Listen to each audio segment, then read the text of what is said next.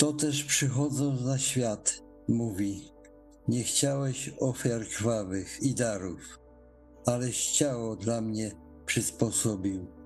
Nie upodobałeś sobie w całopaleniach i ofiarach za grzechy.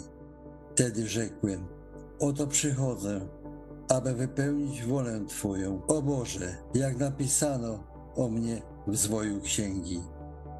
Potem powiada, oto przychodzę, aby wypełnić wolę Twoją.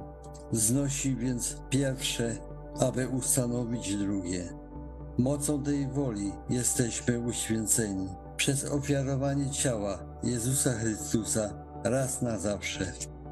Albowiem jedną ofiarą uczynił na zawsze doskonałymi tych, którzy są uświęceni.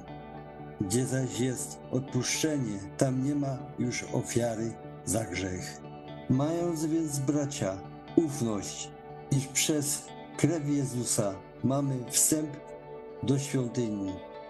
Wejdźmy na nią ze szczerym sercem, w pełni wiary, oczyszczeni w sercach od złego sumienia i obmyci na ciele wodą czystą. Trzymajmy się niewzruszenie nadziei, którą wyznajemy, bo wierny jest ten, który dał obietnicę.